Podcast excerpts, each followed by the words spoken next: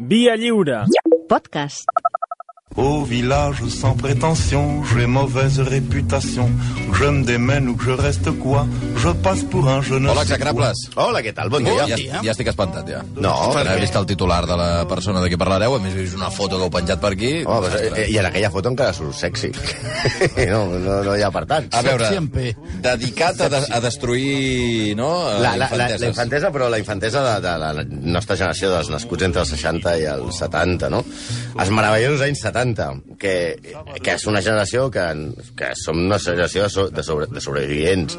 Hem sobreviscut en viatges en cotxe sense cinturó de seguretat, amb, amb, amb el pare fumant i mentrestant, amb set, amb un Seat 1500, un GS, si ja eres de més o menys bona família, amb la iaia, el peix, el canari, el gos, el seient de darrere, els tres germans, el maleter, carreteres infectes, i que nosaltres som una generació que, per exemple, els pediatres ens examinaven la, la titoleta Ai. mentre fumaven i per veure si tenies fimosi. O sigui, jo recordo el, el, el, el doctor al arribar, jo baixant-me allò Ai, ai, al ciruelo, prou, però mentre, prou. mentre el tio se'm queia la cendra sobre el pit. Ai. Sí, que semblava allò les cues del Sado i no Va, la, el pediatre. no, no.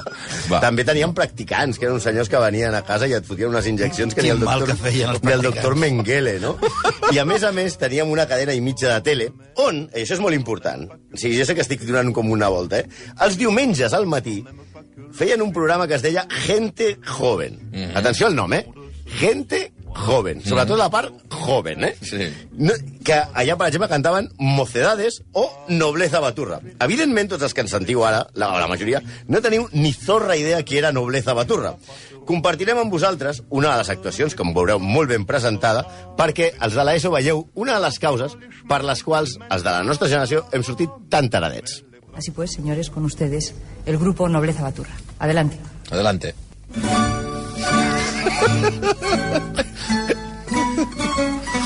I això era gent de joven, eh? Gente jo joven, eh? I això t'ho fem el diumenge al matí. Líder d'audiència. Líder d'audiència, eh? Líder d'audiència. Vale, vale, ara us preguntareu què coi té a veure això amb un execrable? No, res. Molt, molt, perquè era una generació que va estar exposada a la immundícia més absoluta de la indústria de l'entreteniment.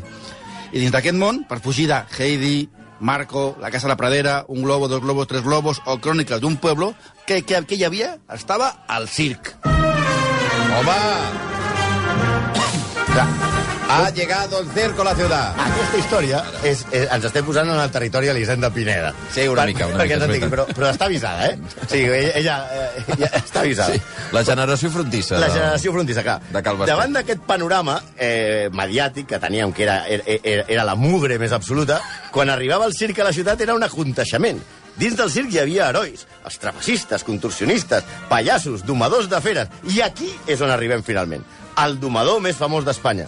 Un heroi per moltes generacions. Un tipus que, tot i ser bastant semblant al Fari, es va aixecar Ai, la ai, jamelga ai, més ai. reial d'Espanya. Ai, ai, ai, ai, ai. Estem parlant d'un home que va ser per molts nens un heroi i una de les persones més populars que hi havia a Espanya en aquella època. Un avançat a la perestroika, més. Un, home amb una gran visió política. Va començar amb el circo russo i va acabar com el circo americano. però és, És la gran transició política, no? gran transició política.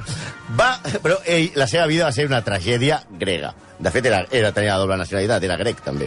Un tipus turmentat, maltractador d'animals, masclista, violent, assetjador, i que retrata una Espanya, la nostra, molt cutre. Parlem, òbviament, d'Àngel Cristo Dòrdit, conegut com Àngel Cristo. Pels de l'ESO, el pare de la Sofia Cristo, la que surt als realities. I pel CNI, el marit de la Bàrbara Rey, amiga de l'Emerito. Ai, ai, ai. Àngel Cristo... Àngel Cristo. Eh, També que el teu cognom sigui Crist i et posin Àngel és una mica exagerat, perquè a més l'Àngel va sortir defectuós, rotllo imitació de xinès. Posa-li Jesús i et diuen ja Jesucrist i ja ja ets el titular i no el suprem. Però bé, el nostre Angelet va néixer al circ. Va viure sempre al circ i va morir al circ. La seva vida va ser un circ de tres pistes. La seva mare era contorsionista, Margarita Dordit, i el seu pare, trapecista, Cristòforo Papadopoulos. Ara tindrem una secció pròpia a YouPorn. Que t'agrada Ai, va, YouPorn. va. O que poden fer una trapeci, un, trapecista i una Prou, contorsionista. lo que va pasar te va sorprender, no? Sí, y lo que pasa a continuación. Pero y ¿cómo no lo intenten en casa. Exacte. Però aleshores eren les estrelles del circ, que era fabulós. O ens ho semblava, perquè entre el circo russo i Nobleza Baturra no hi havia color. Ja, ell podia haver sigut contorsionista, com la seva mare, trapecista, com el seu pare, però el que li molaven eren les feres. Tot i que no estava massa dotat per ser domador. De fet, era un novedor, siguem clars, nefast. Tant que va inaugurar la tendència de l'slow food. Els lleons se'l van anar menjant a poc a poc, però ell seguia insistint en ser domador. Sí, per, per situar-nos, farem un repàs breu del que és un lleó. Pantera leo. Sí. Mamífer carnívor de la família dels felins. Es tracta d'un bitxo d'uns 250 quilos de mitjana que pot arribar a agafar a 70-80 quilòmetres hora amb 30 dents que es divideixen en tres tipus principals. Ai. Quatre grans canins esmolats de 8 centímetres. Què dius? 8 centímetres? No 8 fotis. centímetres. Que, això a Junpont és poc, eh? Que serveixen per a bloquejar i matar animals com cebres, Ecusquaga, 300 quilos. nyus Concaetes taurinus, 200 quilos. o búfals. Cinquerus cafer, 1.000 quilos. Oh, Quatre dents més que, com si fossin tisores, tallen la massa muscular. I, finalment, la resta de peces en forma cònica amb la que desgarren la carn i se la traguen sense mastegar. Tot això amb una capacitat de mossegada de 313 quilos, quilopondis, per cada quilogram de carn. Més o menys el que té un tauró blanc. ai, ai, ai, ai. ai. Acostumen a matar les seves peces pel mètode de l'asfíxia. Mosseguen la cara Oh. per deixar sense oxigen el seu Oh. Potencial. Sí, resumint, sí, Oh, ten tenim, horror. clar, tenim clar que el bitxo sembla perillós, no? Sí, home, Vale. Per molt que els droguis o els donis de menjar abans de l'actuació, és molt més segur fer el número dels canitxes, com feien a, allò, la perrita Marilyn. Doncs no, que el dels lleons. Sí, ja hem vist que és un lleó, no? Un pantera leo. I més si ets un patós com Àngel Cristo, Homo sapiens sapiens, 1,65 i 80 quilos fora de forma. Home, no. Sí, sí, sí. Devórame otra vez, no. Oh, això que li va passar? Bueno, ja, ja, ja, ja, ja. I és que la, ja. se la seva carrera com a domador seria més semblant a Vermalen o Prosinecki com a futbolistes. A veure si no. Debuta a la Gàbia de les Feres amb 21 anys, el 20 d'agost de l'any 65, sense que ningú sabés, substituint d'amagat el domador titular a Bilbao. El lleó King el mossega i gairebé l'arrenca el braç. El primer dia, això, eh? Primer dia. Triga un mes en Va recuperar-se. debutar per la porta gran. Sí, sí. Torna a les pistes a Valladolid, on el 22 de setembre el mateix lleó li rosega l'altre braç. El mateix, a sobre. Sí, pa, el, mate, el mateix no li l'altre braç. que no li caus bé, Però, home. Més, novembre de 1980, el lleó Tarzan li mastega l'espatlla i l'axila. 1982, altres tres atacs en un any, no està malament. 1984, València, un altre lleó li fa un peeling a l'esquena. Ai. 1988, Barcelona, un altre lleó l'envia a l'hospital durant setmanes.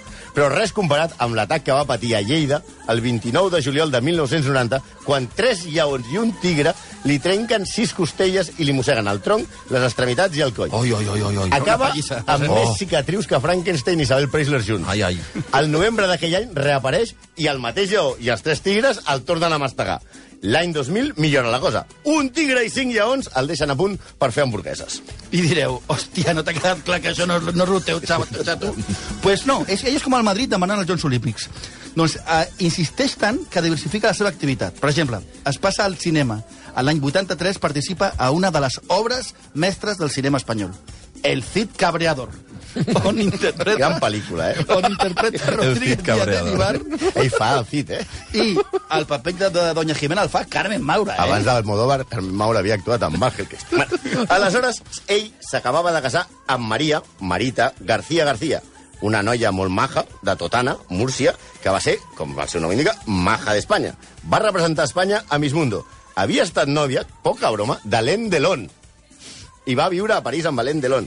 També es va liar amb Charlie Reixac, no sé què té més mèrit. Oh! Sí.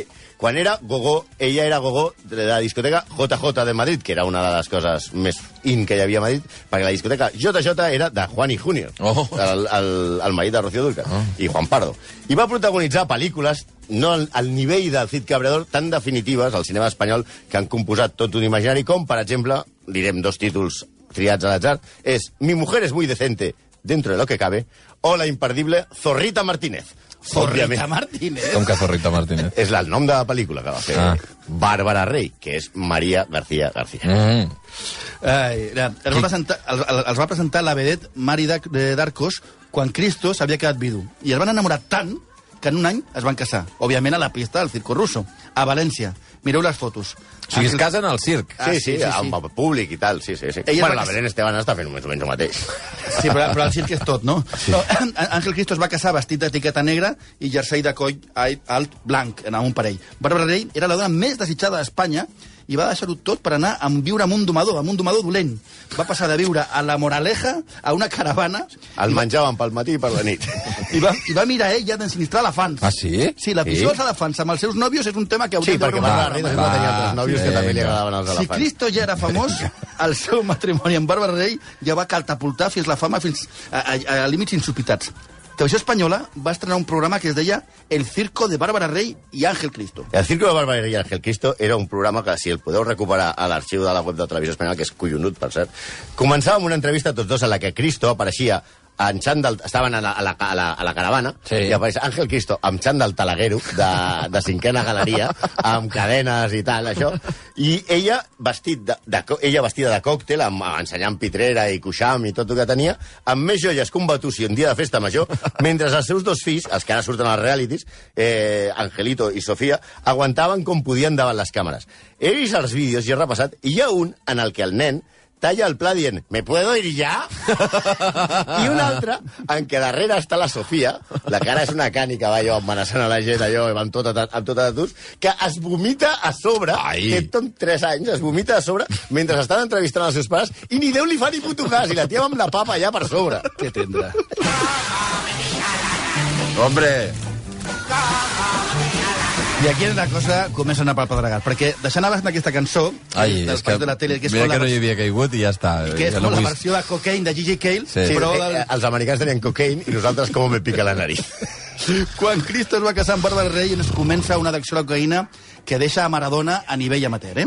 Según va explicar a la tele eh, Manolo Carreño, paparazzi íntimo amigo de la parella, Ángel Cristo nunca terminó de creerse que estaba con una mujer como Bárbara Rey. És que heu de pensar com eren, eh? Sigui, Sí, sí. És, La bella y la bestia. Los celos le consumieron y cuando ella volvió a los escenarios, él se quedaba solo en el camerino aburrido. Para pasar el rato consumía cocaïna.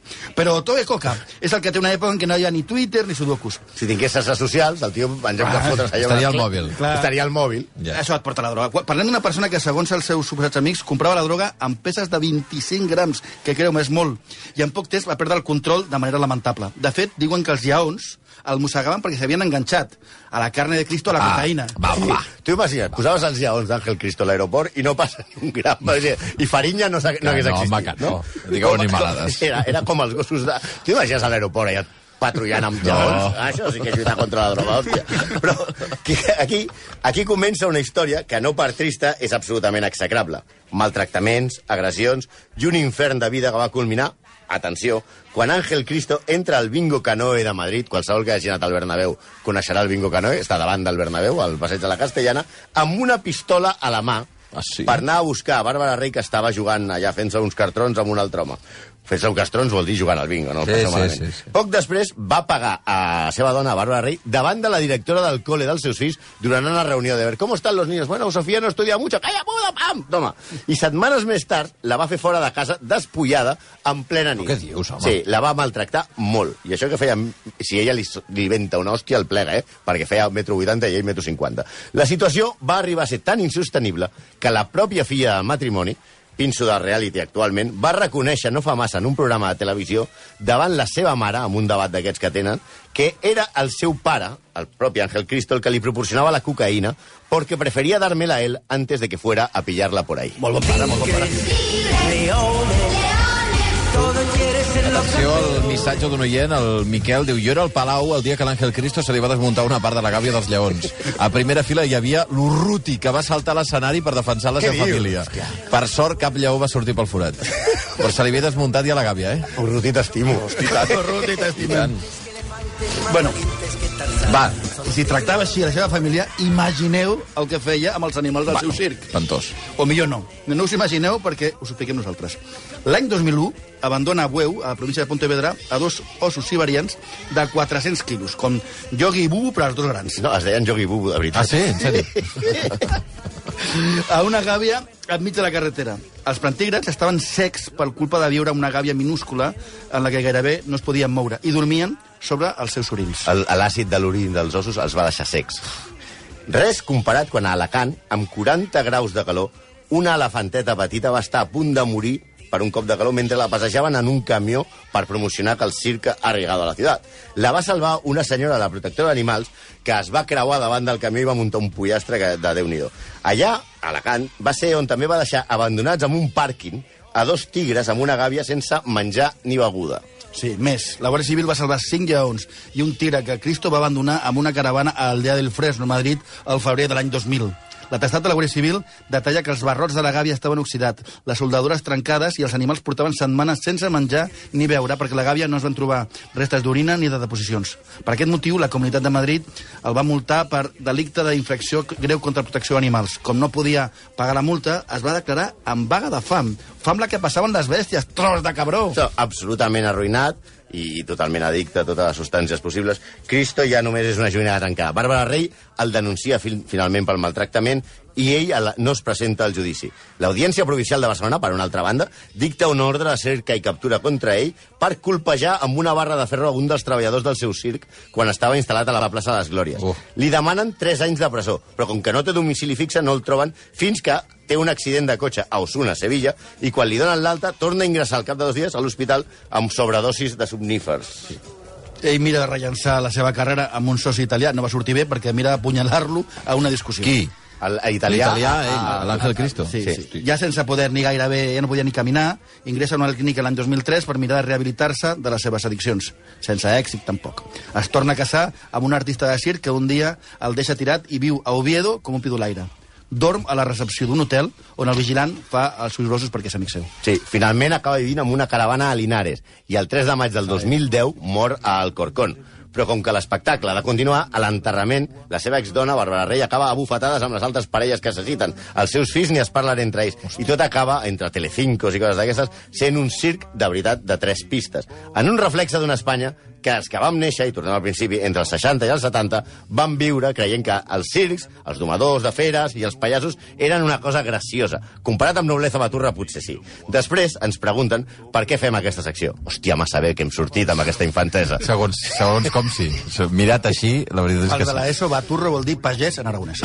Les 11 i un minut. I Nobleza, Nobleza. Gràcies, Baturros. Uh, els execrables a Santi Jiménez i Malcom Otero. Adéu-siau. A vosaltres. monde viendra me voir pendu, sauf les aveugles, bien entendu.